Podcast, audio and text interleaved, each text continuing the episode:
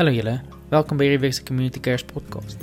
Ons is besig in hierdie week met Jona deel 2 en ons sluit hierdie week se gesprek oor die boek van Jona af met hoofstuk 3 en hoofstuk 4. As jy ons vorige gesprek gemis het oor hoofstuk 1 en 2, asseblief gaan luister dit en dan kom jy weer terug en kom luister jy verder hierdie kant, maar sit terug, kry 'n koppie koffie en kuier saam met ons. Hey julle, Ek sien ons is nou live. Lekker. Ag, dit is lekker om saam met julle te kuier. Baie welkom aan almal wat saam met ons kuier op YouTube vandag of as jy die podcast later gaan luister dan luister dan verwelkom ek jou ook so lank. As jy deel is van ons kruis kruispunt community community, jy is so welkom. Ons is so bly om bietjie saam julle te kuier weer. As jy nie is nie, jy is so welkom. Man, ons gaan net lekker chat oor Jona 3 en 4 en ons is opgewonde. Ek's regtig ek wil amper spring want ek love it en ek weet net die Here love dit wanneer ons saam keer in sy woord. So uh, ons is vandag ehm um, is dit ek en Herman Alipad daar in Potch en ook Rudolf Kriek ook Alipad daar in Potchefstroom. So uh, voor ons begin ehm um, gaan ons net so 'n bietjie chat hoe gaan dit maar in plaas van om net te hoor hoe gaan dit ehm um, met ek gedink ek wil bietjie vra of julle elkeen en Herman ons wil sommer by jou begin en dan Rudolf en dan sal ek genoem. Ehm um, wat is een ding in die week wat jy ontdek het van God se karakter of wat hy vir jou kom uitwys het of een ding wat hy in jou hart kom doen het of net so so ietsie wat what's up iets wat jy ontdek het. Dit kan goed wees dit kan iets wees wat die Here jou kom uitwys het waaraan jy wat hy jou op attent kom maak het. Ehm um, dan share ons 'n bietjie voor ons begin. Cool. So in hierdie week toe sit ek nou die dag en ek en ek kuier so by die Here en ek hoor toe bietjie by hom oor die woord persistence. Want persistence was 'n ding gewees wat ek so lank gewonder het van beteken dit om jy's naggy wanneer jy aanhou vra en aanhou persistent wees en aanhou deurdruk of beteken dit of wat beteken dit eintlik? En ek sit hier so 'n bietjie en ek en ek kou aan hierdie realiteit. En en ek en ek ek love dit om te journal want vir my om met 'n blaai en 'n pen te sit hou my gefokus en dan weet ek ek is nou saam Jesus en en ek skryf so in my pen se ink droog op. En en ek skryf en ek gou aan en ek en ek sien ek maak net die die merke in die in die blaai en ek en, en so maar daar's geen ink nie. En ek is toe van oké, okay, maar ek kyk so na my pen en ek en ek besef nee, maar hier is ink in. Hoekom hoekom kom dit nie uit nie? En die volgende oomblik toe sê die Here vir my, dis presies wat persistence is. Persistence is daai oomblik wanneer jy weet dit wat jou hand het, dit werk. Jy weet wat God aan jou kom openbaar en kom wys dit is 'n realiteit. Jy weet jy het met hom gepartner in faith met dit en jy loop met dit. Maar die feit dat die pen nie wil werk nie, spreek nie dat ek iets verkeerd doen of dat my identiteit sien om gebreek is nie. Dit spreek niks van van God wat argumente daar wat die pen vir my gegee het nie. Dit spreek net van die feit dat die pen net nie werk nie en daar's 'n obstakel of daar's iets in die pad. En dat persistence gaan daaroor om aan te hou midde die geloof wat jy reeds ontvang het, midde die woord wat die Here reeds vir jou kom ontvang het. En ek is van dit maak soveel meer sin nou. Want nou weet ek dit gaan niks daaroor oor nag jy of nie of as jy smeekend of nie, want ek was van die opinie van as iemand vir my sou gee wanneer ek vra nie dat ek gaan nie aanhou smeek nie, dan as jy nie wil nie dan wil jy nie. En dis oukei. Okay. Dit was my opinie altyd want ek het iets ek het iets misverstaan want dit gaan nie noodwendig altyd oor God se voorsienende hand nie. Maar dit dit spreek wanneer God 'n saak wil bewerk en jy partner met hom in geloof en jy sien dit nog nie in realiteit manifesteer nie en jy persist in daai heavenly realiteit in totdat dit gemanifesteer het in ons aardelike realiteit. En en ek besef dit dat profetiese woord is juist dit. Profetiese woord is daai oomblik wanneer God vir jou kom openbaar in die uit die hemel uit wat hy op die aarde wil sien gebeur en jy partner daarmee met faith en jy persist wanneer dit moeilik raak wanneer daar obstacles in die pad is en dit is wat dit is. So daai is iets iets wat ek kom leer het van God en sy realiteit en iets van van van wie hy is in 'n oomblik van 'n pen wat ophou skryf het. So dis baie baie cool. Awesome. Dis goed om te hoor. Ou roetster Um een ding vir my baie cool, Harry, dis awesome. It's amazing as die Here my so deur 'n hele journey vat. Hmm. Ek die laaste ruk is ek baie op die spoor met die Here van Spreuke wat sê ken hom in alles wat jy doen. En ek dink ek ek, ek beleef 'n mooi tension tussen ken hom in alles wat jy doen en om toestemming te vra vir jou optrede. En wanneer ek praat van toestemming, praat ek nie van reg of verkeerd nie. Ek praat van ehm um, tydsbesteding en die fokus van tyd. Met ander woorde, Here, um moet ek dalk nou 'n bietjie tyd spandeer aan besigheidsrealiteite of of is dit nou familietyd en um veral in my lewe lyn in my lewe is nie altyd jy weet net van 8 tot 4 of van uh 7 tot 5 of so iets nie. Daar's um besigheidsgoed wat die Here met my en Karissa oor gesels wat ons probeer doen in 'n sinvolle tyd. Ek het kantoortyd en en en 'n voltydse werk by die kerk as 'n as 'n ou wat in bediening staan. En obviously as ek 'n family man so dit voel vir my soms my lewe uh, is amper soos 'n klomp riviere wat bymekaar kom. Ehm um, jy weet amper die hoofstroom goeders van familie en van werk en van ander besigheidsopportunities en sommer net allerlei ander goed wat die Here op my vurk sit. En ek ek kom die laaste ruk agter dat dat God die Vader wil hê ons moet hom ken in alles want dis wat die skrif vir ons sê. Maar daar's hierdie partnership tension waar jy baie keer uit dit wat God reeds met jou gesels het moet bly vertrou dat dit steeds op sy hart is behalwe as hy iets hmm. anders sê. En ek praat nie van net blindelings doen wat jy wil nie. Ek praat van as God vir jou vir my byvoorbeeld met my gepraat het oor my besigheid en ek kan hom vertrou dat dit iets is wat in sy hart is, hoef ek nie elke keer toestemming te vra om besigheid te doen nie. Ek het klaar toestemming van hom ontvang want hy het klaar met my gesels daaroor. Die hart van ken hom en alles is nou in tydsbesteding en in timing en in hartsposisie en in my eie harts ehm um, intensies. En dis vir my 'n goeie journey is my lekker om om net in te nooi daai manier. Cool man. Ek dink uh ja, dit is lekker om te hoor wat jy ook share Rudy en ek dink as ek ook kan share wat uh die week van uitgestaan het of wat wat die Here vir my kom wys het is. Um ek dink ja, kom kom ek kom ek deel gou sommer so vinnig. Ek dink baie keer wanneer ek goed is um doen dan sal ek nog steeds na myself kyk om te sien um jy weet draak vrug en dan afhangende van die vrug sal ek kyk, yes, ek okay, ek baie nou in hom of nie. Eerder as om die maatstaf te maak van okay, ek weet ek is nou by hom en dan sal die vrug volg.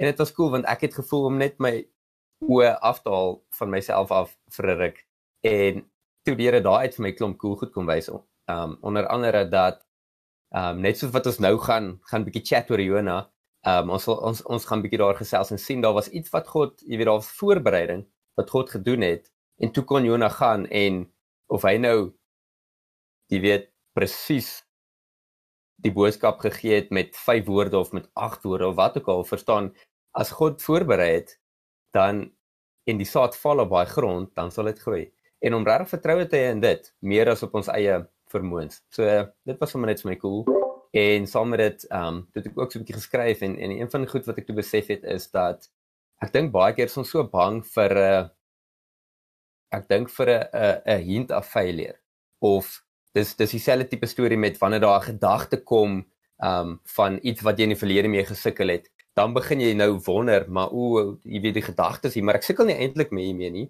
maar hoekom kom die gedagte?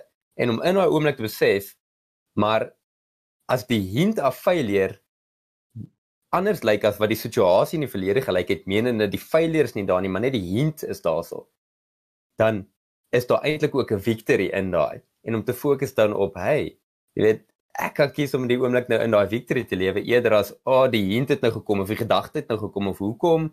Jy weet what's up met die? Want ek dink baie keer ons ehm um, voel ons ons voel baie keer goed justify ook met hoe ons voel. En dan begin ons as ons die hint van failure sien dan voel ons ah oh, maar hier kom nou failure en ek voel soos 'n failure en kan ek regtig goeie vrug dra ehm um, as daar jy weet hierdie hint van goeders is ek is weergebore moet ek nie klaar perfek wees nie en uh, dit is my cool om te besef dat Jesus het gekom dat ons positional holiness kan hê en dat ons practical holiness kan ingroei.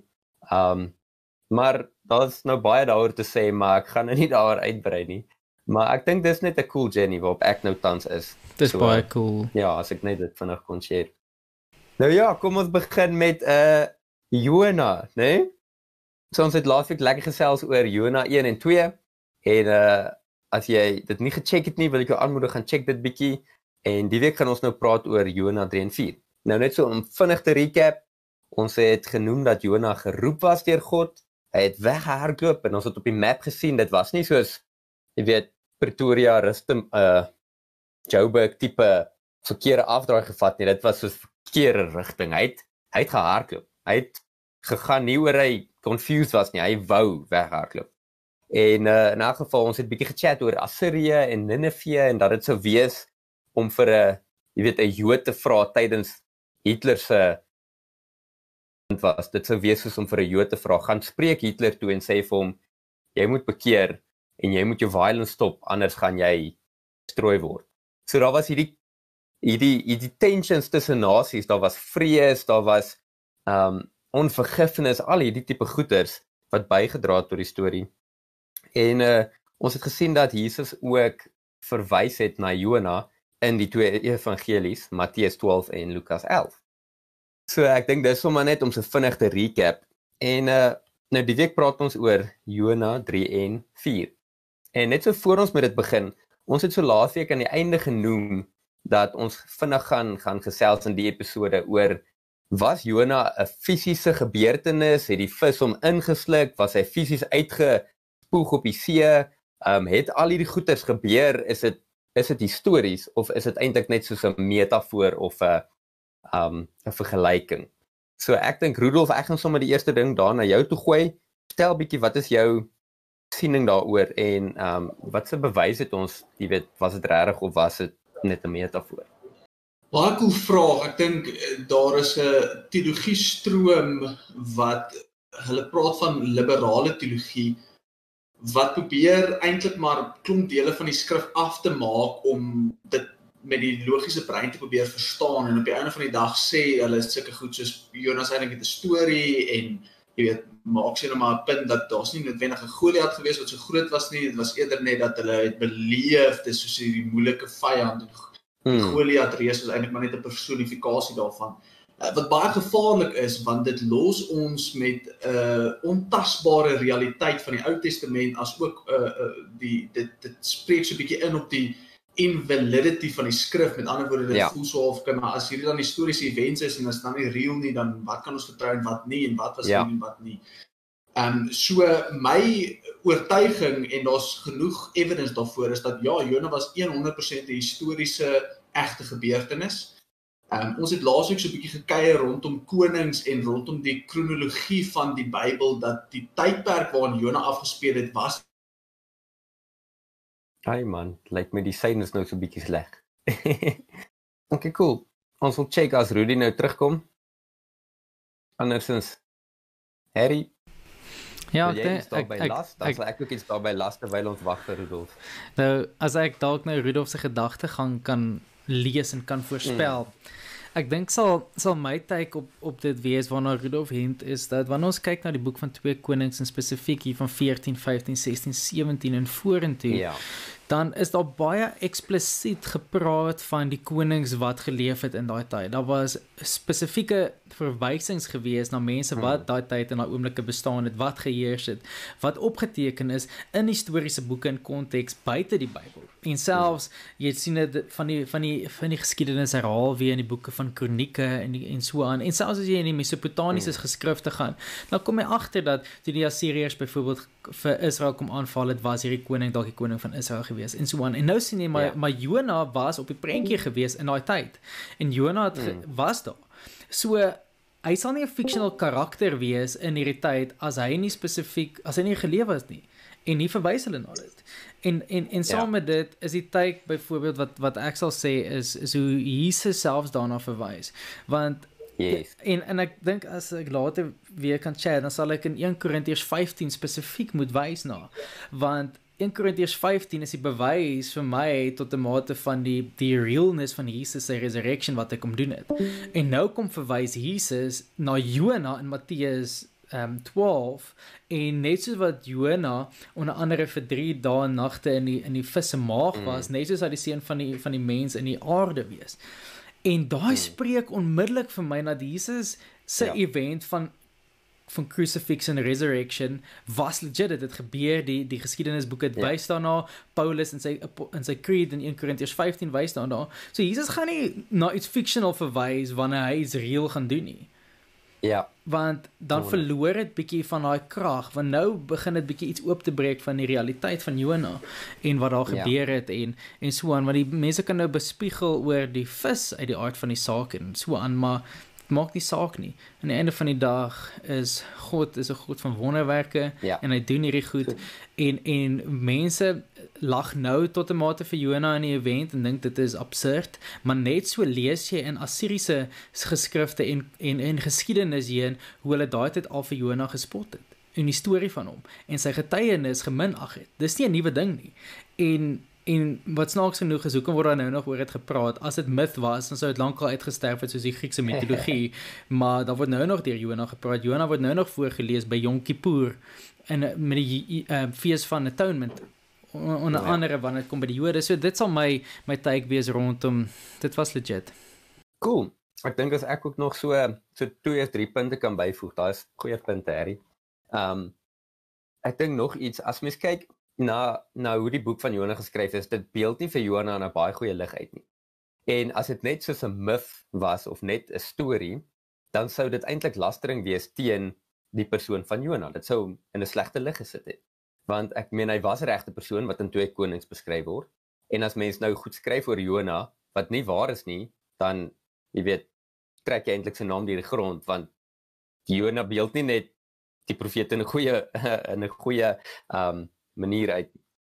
En nog ding al 12 die klein profete is regte gebeurtenisse en regte profesie geskryf deur regte mense wat deur jy weet geskiedenis is soos wat jy dit ook nog het Herman. En ek dink die laaste punt wat ek sal maak kan kan iemand regtig in 'n vis oorleef vir 3 dae kan dit nie jy weet daar is sulke staf wat mense sê daar is ander stories waar dit ook gebeur het en en en maar die so so wetenskaplik kan mense dit nou debatteer maar die punt is as ons sê ons glo in God wat Jesus Christus uit die dood opgewek het en in ander wonderwerke dan is nie so far-fetched om te dink dat 'n ou in die maag van 'n walvis kon bly vir 3 dae nie. Ehm um, God doen bo natuurlike goeie wat ons nie altyd kan ehm um, normaal verstaan nie. So dis dit. So uit uit uh uit die skrif uit en uit ander evidence uit kan ons duidelik sien dat Jona 'n regte geskiedkundige gebeurtenis was. Nou ons sal kyk of Rudolf ons een of ander tyd join, anders gaan ek en Harry bietjie lekker chat. Maar uh ons gaan nou sommer daar inspring by by Jona, by Jona 3. En uh so ek gaan net bietjie daar begin vir ons. Um dit sê dat die woord van die Here 'n tweede keer tot Jona gekom. En as ons kyk, die keer het hy anders gereageer as die eerste keer uit. En ons sien jy dat God baie keer tweede kansse gee. Um nou ook Herman in in in jou opinie en dit sluit nou 'n bietjie aan by by die vraag. So ek gaan hulle sommer saamgooi hom in die volgende vraag. Hoekom het God vir Jona 'n tweede kans gegee? Hoekom, jy weet, kon hy nie 'n ander profeet gebruik het nie wou hy nie? En ook die vraag toe om mee saam. Um Ja, wag, kom ons doen eers daai. Wat wat is jou opinie van hoekom het hy vir Jona spesifieke tweede kans gegee? Wel, ek dink een van die mooi goed van van God se karakter is hoe hy dinge en situasies kom redeem. Mm. Want hy is 'n God wat soos wat ons laas keer gesien het in Eksodus 34 lees ons vir hy's a God that that loves showing mercy and loving kindness. Hy's 'n God wat die Mm. iniquities en die sins van mense vergewe. Hy is dis die God wat ons aanbid. Hy Ja. love dit. Maar tog is hy is hy regverdig ook. En en ons sien in in die einde van Jona 2 is waar Jona uh, Jona bid en tot 'n mate in sy gebed in hoofstuk 2 wys dit hoe Jona eintlik 'n smagting het dat God sy mercy en sy grace aan hom kom wys en kom vertoon. En nou Mm. is eintlik die vreemde ding dat God het vir Jona nie gelaat om dood te gaan nie. Maar Ja. hy het hom vergewe vir sy vir sy rebelse optrede en hy het hom vrygespreek daarvan, maar hy het hom 'n tweede kans gegee om anderser te kies hierdie ronde sodat God weer eens hierdie situasie kan kom redeem. En en ek dink dis hoekom God hom hoe kan ek sê hy Hmm. hy kon iemand anders gebruik het. Inteendeel in hierdie era was Amos dit ook geleef onder andere. Jy jy weet dit is opkomend dat van die ander dat voor hom was net um, Elisa gewees wat geleef het en so so hier was groot manne van God eintlik in 'n era gewees. Maar God het gekies man, ek wil vir Jona ook iets wys van my genade, van my mercy, van my grace, van my van my ges- ingesteldheid om mense te kom vergewe. En ek gaan hom met eerstehands kom ervaar.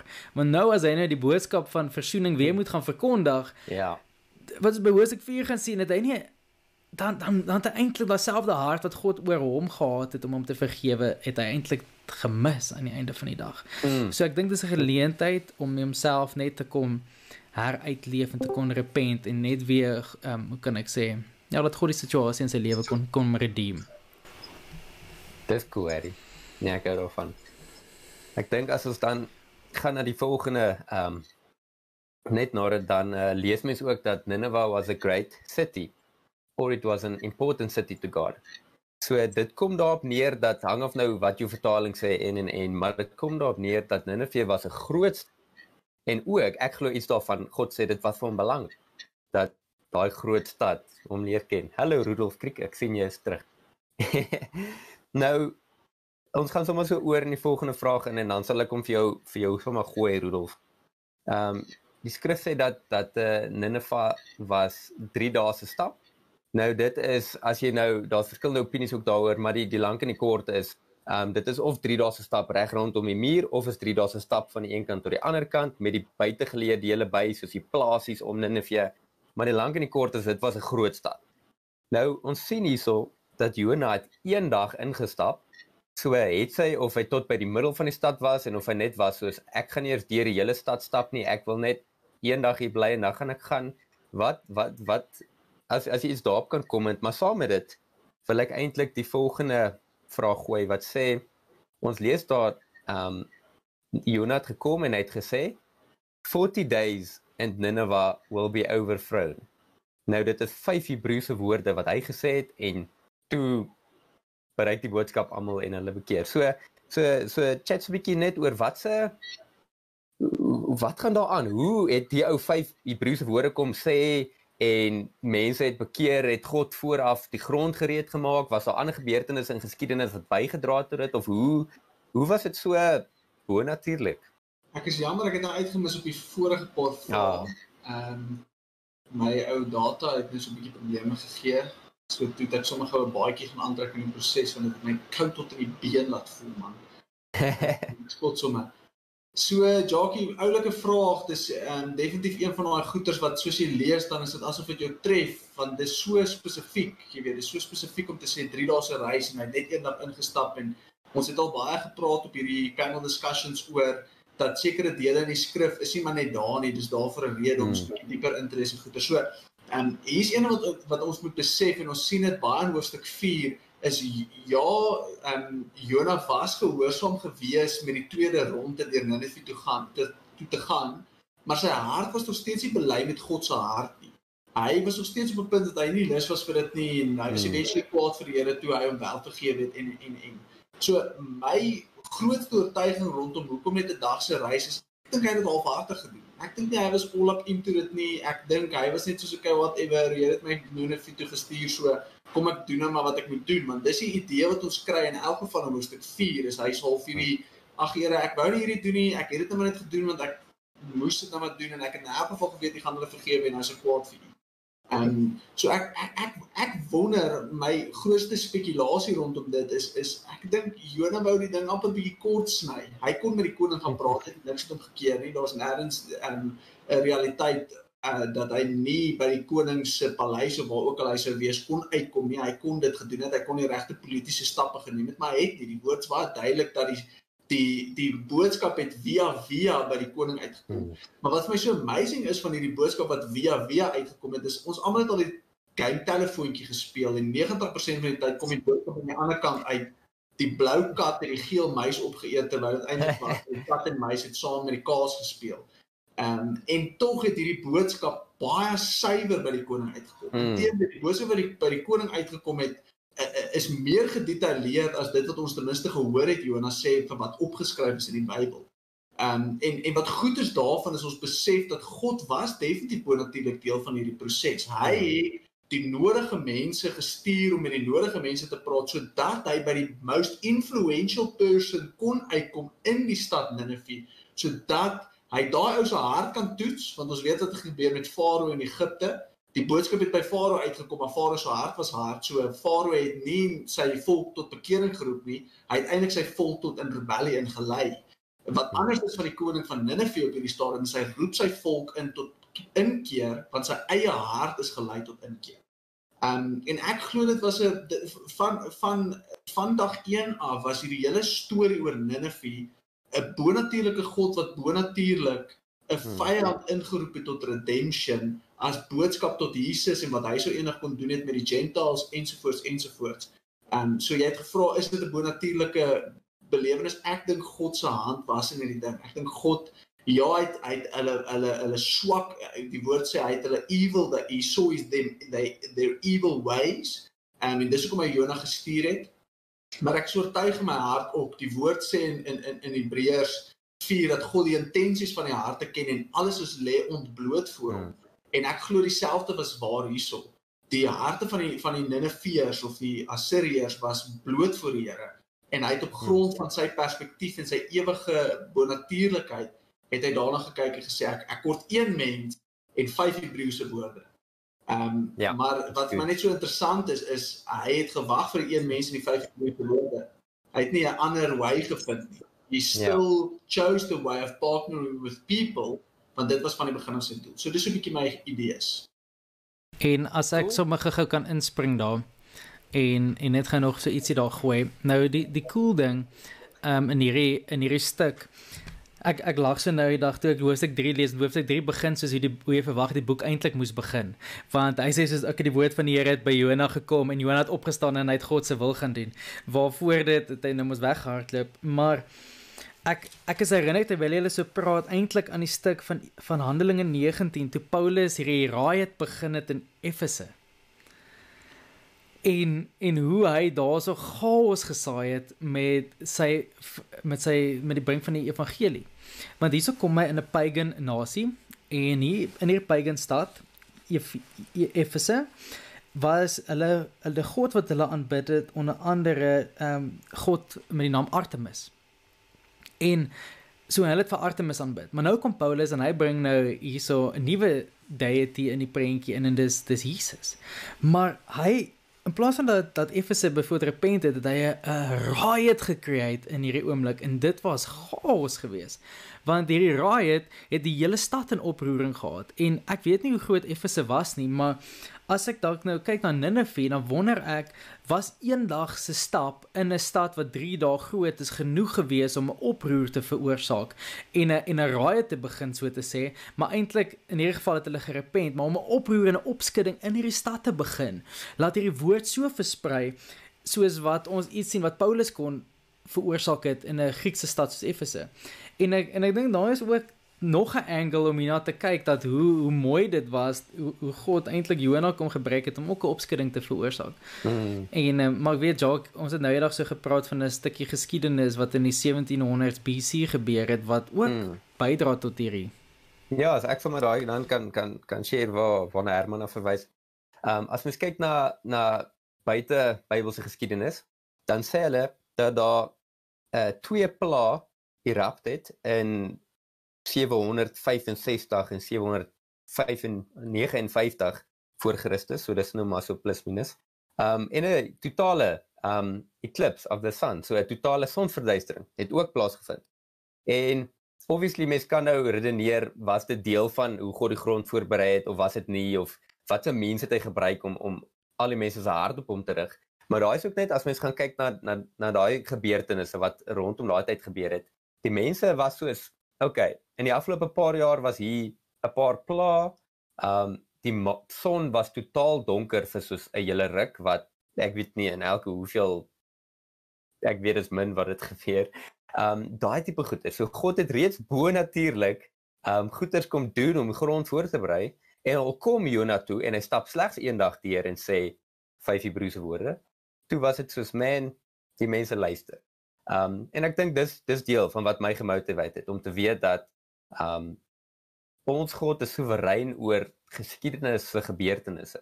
So hoeveel te meer kan hy werk daarmee as ons bereid is om 3 dae te gaan, maar selfs al gaan ons eendag dan gebruik dit ook. So dis dis net baie cool.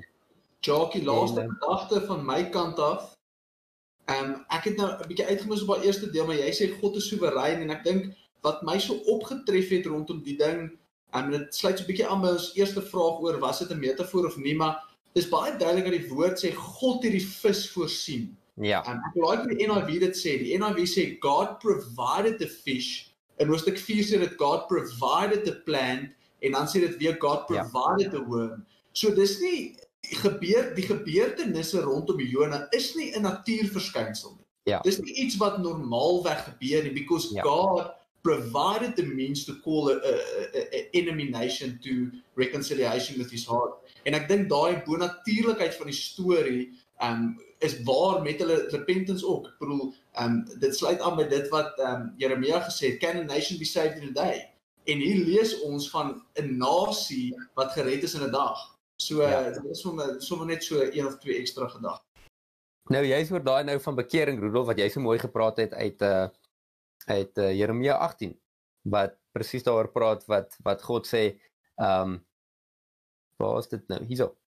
Um if that nation against which I have spoken turns from its evil I will relent concerning the calamity I plan to bring on it. So God sê yes profesie se hart is eintlik om jou 'n geleentheid te gee om te relent. Laat ek jou nie hoef te te vernietig nie want anders sou God dit net gedoen het as hy as hy wou. Um nou die vraag wat wat ons nou 'n bietjie daaroor gaan chat is en ons gaan hom ons gaan hom sommer net kort saamvat en ek dink Herman jy kan vir ons daar begin.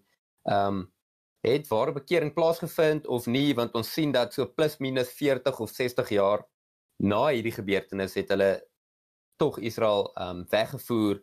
Um maar ons sien ook tog dat jy weet iets massive het hier gebeur. So was dit ware bekering? Was dit nie? Was dit dalk 'n deel van die mense wat bekeer het? Um jy weet what's up met dit?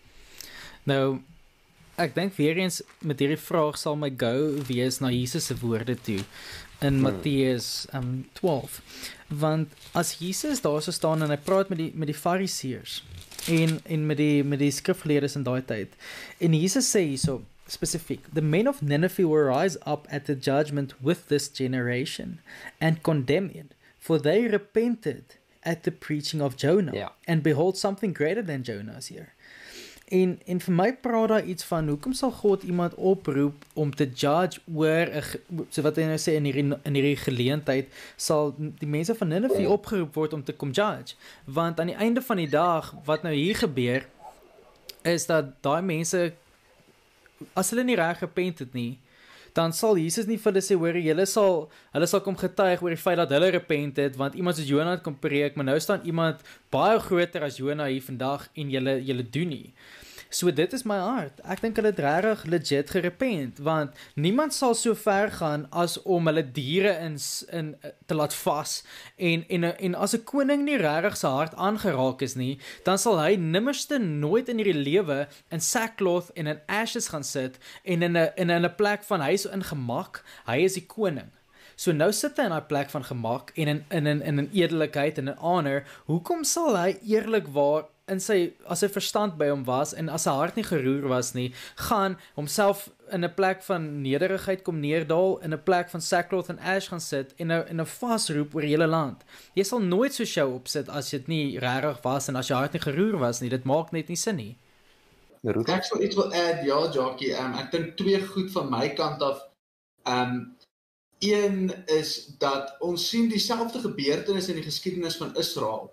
Hmm. Dis elke keer min of meer 'n generasie as jy die boek van Rigters Ja. gaan lees, sal jy agterkom is elke keer min of meer 'n generasie, 'n leeftyd van een persoon wat die hele land tot bekering geroep het. Almal volg Here en dan 40, 50, 30, 100 jaar later is die ouens weer terug waar hulle was. Ja. So die feit dat Nineve eventually weer teruggekeer het in 'n plek waar hulle in vyandskap was met God wat ons sien dat 'n uh, latere profeet weer teen Nineve eintlik maar profeteer vir Ja. hulle verwoesting hierdie keer sien ons steeds dat dit is dis dieselfde konsep het gebeur met Israel. Dit on, onder die leiding van 'n man wie se hart vir God was, het Israel die Here gedien en dan 'n kort tydjie daarna is hulle van die prentjie af. Hmm. Ehm um, so en, en die ander ding was actionable steps. Ek dink wat ek love van die Ou Testament versus Nuwe Testament is as jy 'n Nuwe Testamentiese konsepte en realiteite verstaan ter harte neem en besef Hmm. dit was selfs waar vir Ou Testamentiese realiteite. Wat bedoel ek daarmee? Die boek van Jakobus praat baie oor um actionable steps within faith. Hy praat oor, jy weet, faith without works is dead en eh, praat oor, jy weet, 'n 'n geloof wat net te wete is dat God Hmm. God is is soos die duiwels weet dit ook, so daai geloof kan jou nie red nie. En ek weer sê dat net om te weet God is God um, en en en en dit te glo as 'n realiteit is nie genoeg nie. Daar is 'n hele leefstyl en daad.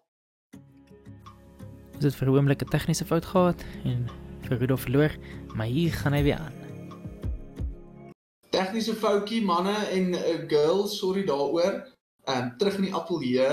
Ek het gou gesels rondom die tweede uh, eintlik maar bekeringsrealiteit en en en die die punt wat wys dat Nineve regtig tot bekering ge, getrek is of gelei is en dat hulle actually repent het.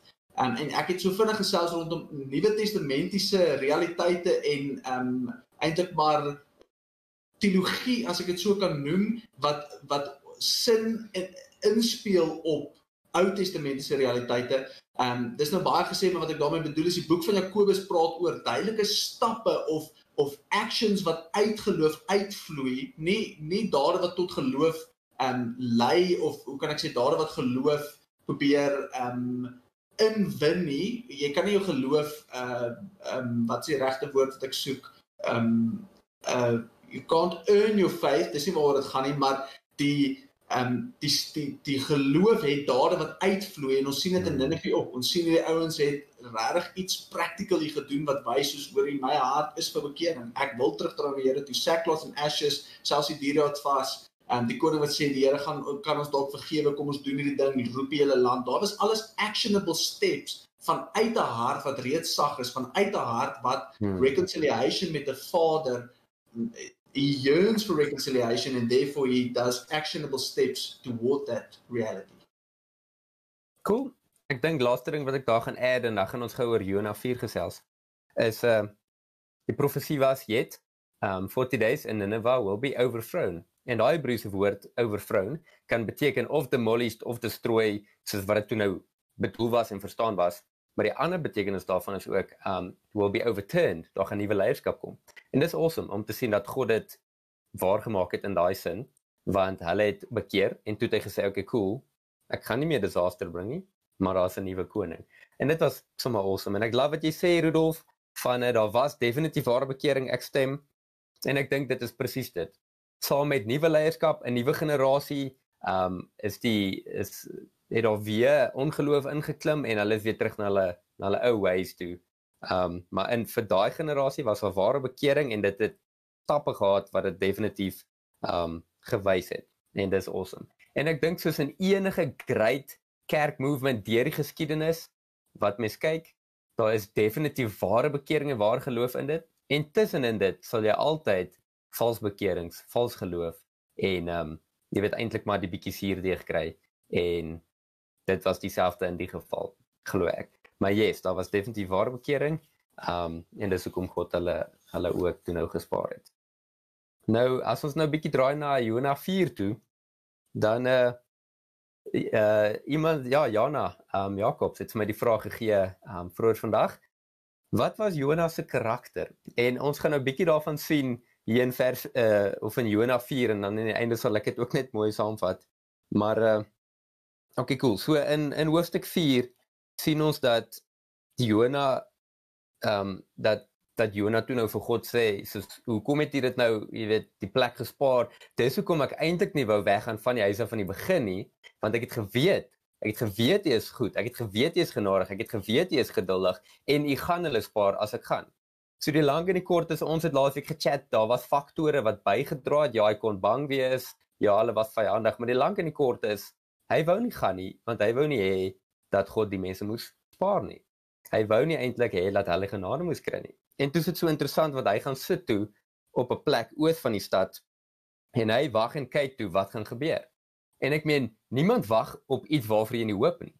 So hy het regtig gehoop daar gebeur iets met die stad wat hy nou kon sien voor hy dan nou terug gaan huis toe. Maar in elk geval ek gaan dit sommer daar na jou toe gooi. Ehm um, Herman hy sit toe nou op hierdie plek en uh die die, die skrif sê toe God het toe 'n plant laat opkom. Soos Rudolf gesê het God provided a plant. Nou, wat is die storie met hierdie plant? Ehm um, wat het gebeur? Hoekom was die plant daar?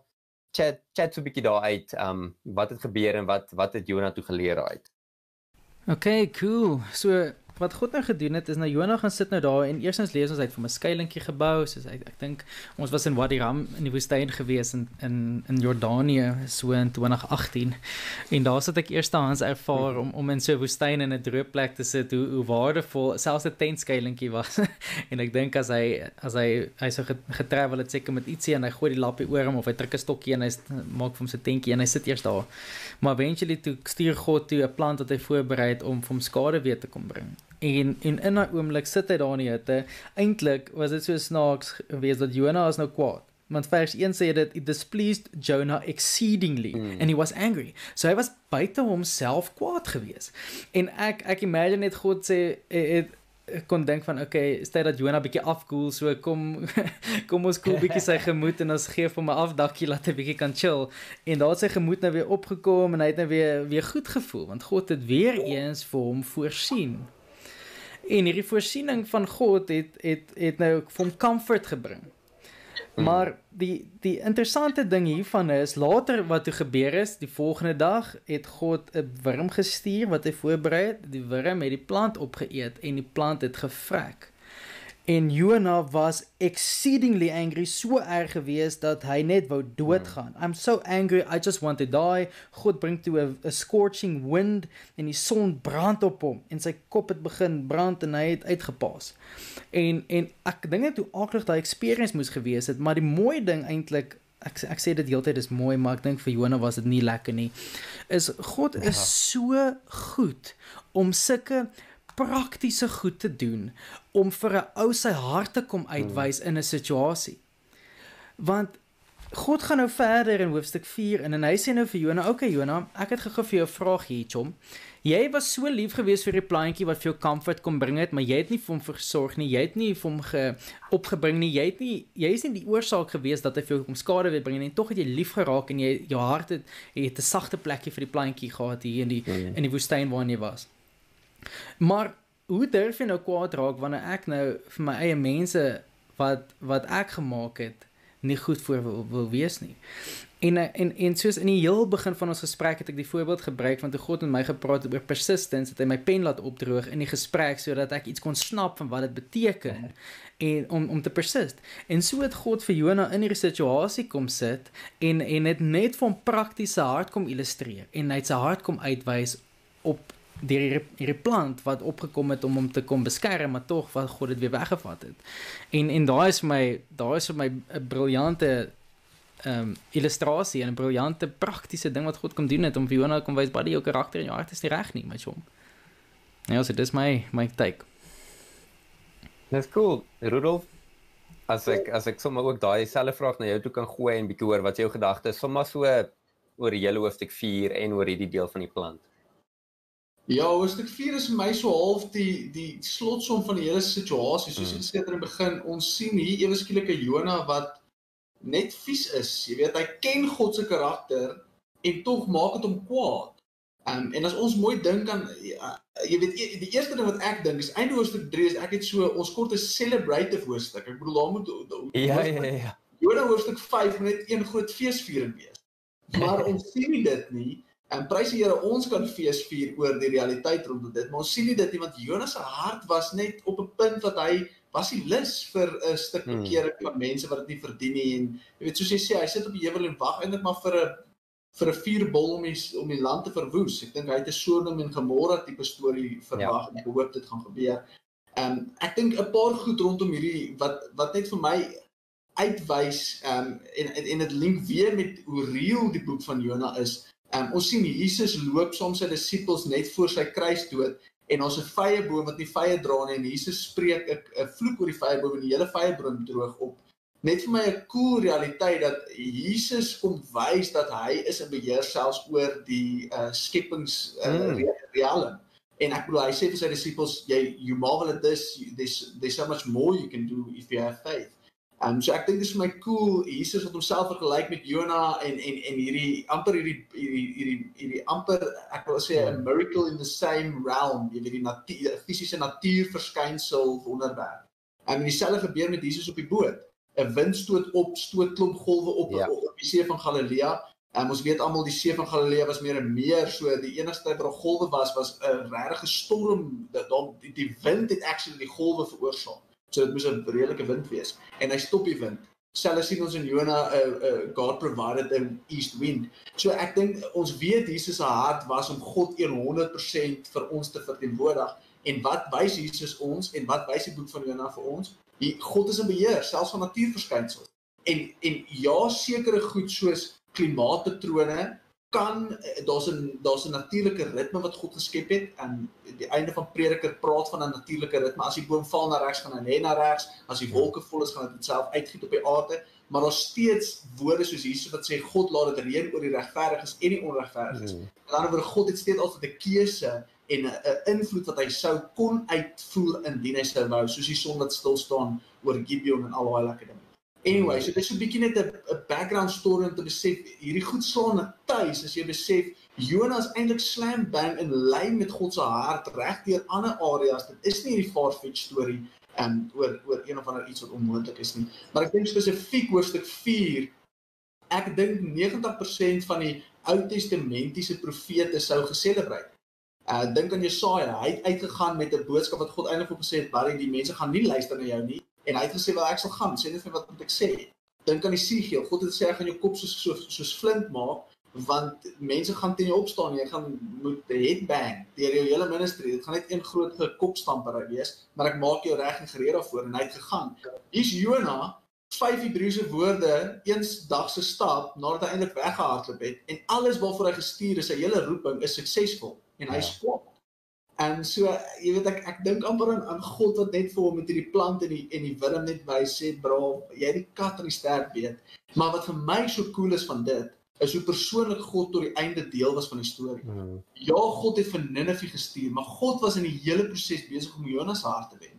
God het aan die einde nie gesê okay Jonas, flip jou. Weet jy wat jy het nou gedoen wat ek wou gehad het en my hart is eintlik vir Ninive en jy's in elk geval so bietjie soos 'n bratty kind wat eintlik in die agterkant kamer moet gaan slaap. So ek vat jou bed by jou weg en jy gaan vir die res van die tyd op 'n stretcher slaap want jy verdien nie eintlik om in my huis te wees nie. Nee God, ons sien God tot die heel einde veg vir Jonas se hart. Veg om hom hmm. bonatuurlik iets te wys soos hy boet. Verstaan my hart, want hoe beter jy my hart verstaan, hoe meer in lyn kan jy jou hart bring met my, hoe meer in lyn gaan jou optrede wees met my optrede. Um, en ek dink tot die einde toe het Jonas 'n bietjie gesukkel met daai een, maar hy op die einde van die dag gee dit ons weer 'n plek om te kan relate met baie van die goed wat gebeur het en sê Here, ja, hy het 'n tweede kans gekry op sy roeping. Sy hart was nie regtig in dit nie.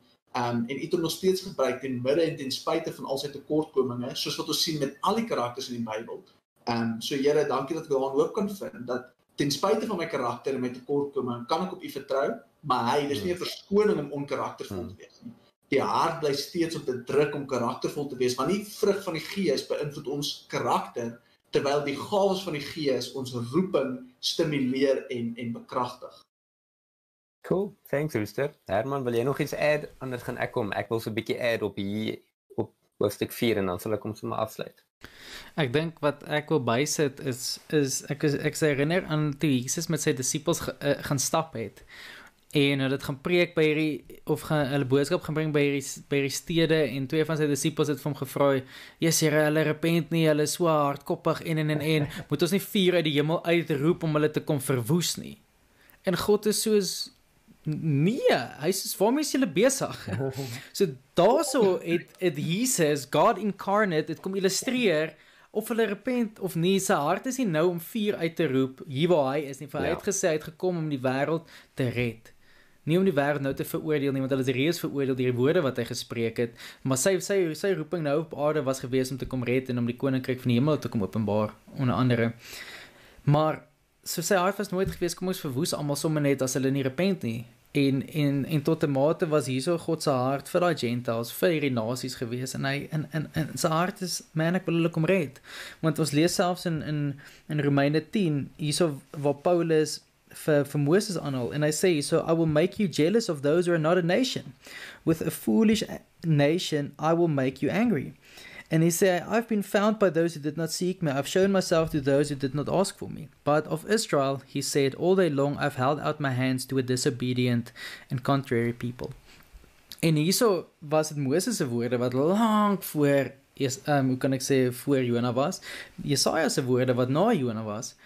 En daaroor het God reg deur kom openbaar, man, hy is daar om mense te kom red en hy is daar om vir hulle geleentheid te gee om hom te kies. Hmm. En wat ook al hulle keuse is, aan die einde van die dag moet hulle die gevolge dra van daai keuse. En dis hoekom God se hart is om te red. Sy hart is nie om te verwoes nie. En en en selfs Rudolf dis ook so mooi wat wat jy daar sê is hoe God se hart altyd is vir sy mense. Hy's in midde hierdie situasie, jou hart kom pursue vir jou.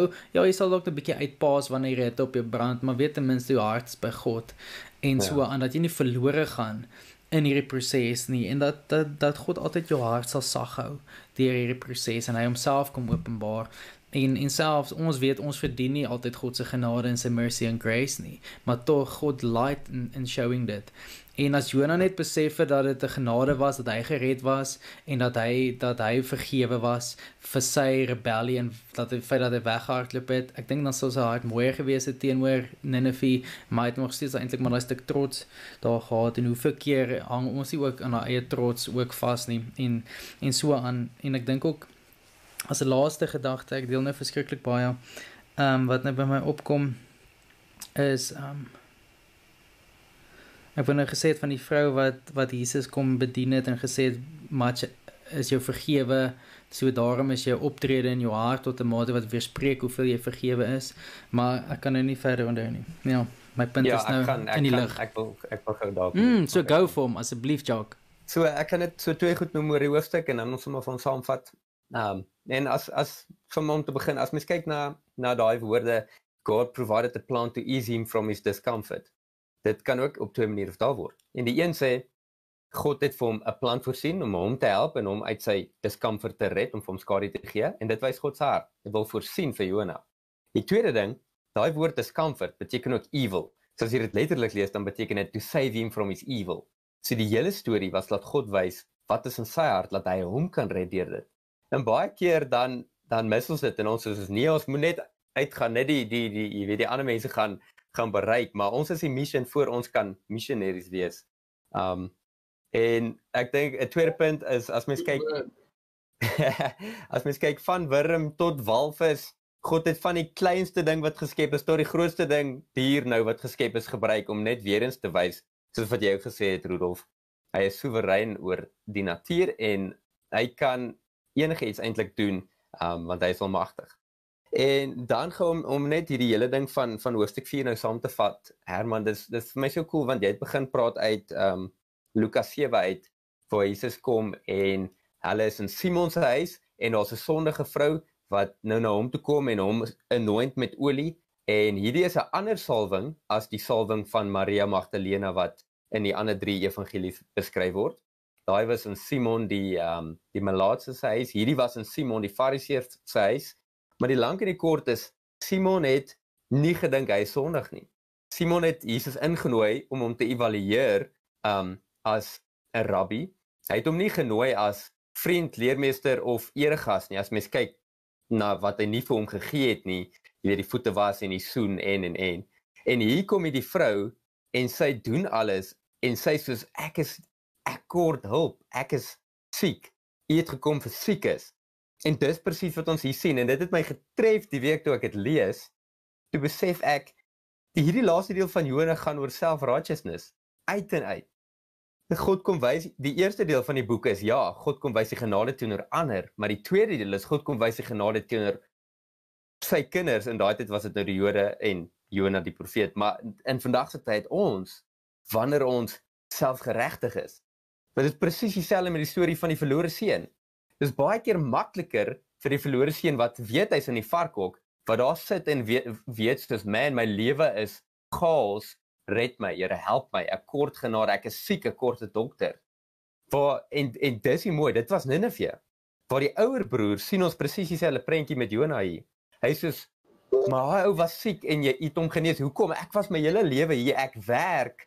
Jy weet, ek werk om my plek te verdien by die huis. What's up? Hoekom kry hy genade? En dis die ding. Vir iemand wat nie dink hulle het genade nodig nie, gaan hulle moeilik genade uitgee vir iemand anders of celebrate wanneer iemand anders genade kry. En dit het my so getref uit hierdie laaste hoofstuk is net dat God kom wys.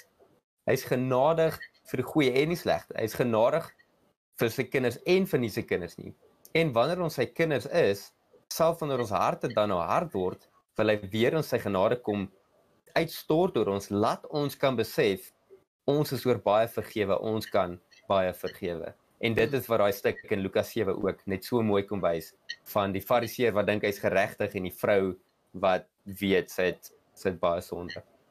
En uh sommer as ek 'n uh, 'n laaste ding of twee daar kan kan sê. Um as ons kyk na kom ons sê byvoorbeeld as ons kyk na vergifnis. Dis 'n groot ding wat God van ons vra en hy sê jy moet vergewe. En dis 'n massive ding. God require baie. Dieselfde as ons kyk na heiligheid. Die skrif sê wees heilig want ek is heilig. Sonder heiligheid sal niemand God sien nie. Maar wat is die awesome ding? Hoekom require God baie? Want hy het baie gegee. Hy het positional holiness gegee. Hy, hy het ook die die means of die tools gegee om practical holiness na te jag. Dieselfde met vergifnis. Hy het vergifnis gegee. En dis net so mooi om te sien dieselfde hierso. God het vir Jonah vergifnis gegee, het hom genade gegee, um ook om vir hom te wys. Jonah, nou kan jy dit verander gee. So mag ons weg weggaan van self-righteousness af, mag ons hier in hierdie boek weer eens leer dat man al spreek jy vyf woorde in God bekeerde stad, jy het sy genade net so nodig soos soos iemand anders. En jou laaste punt, dan uh, dink ek is ons klaar vir die dag. Uh as mens kyk na Hebreëse narrative, Ou Testament stories, dan is daar drie vlakke waarop hierdie goed um uit uitgeleef of gelees kan word. En die eerste vlak is die individuele vlak. En in hierdie boek van Jona, net om die boek van Jona nou vir ons saam te vat, sien ons dat God het individue, jy weet, gered uit Jona se hart kom uitwys, hy teenoor Jona opgetree op 'n sekere manier. Dit was die individuele vlak.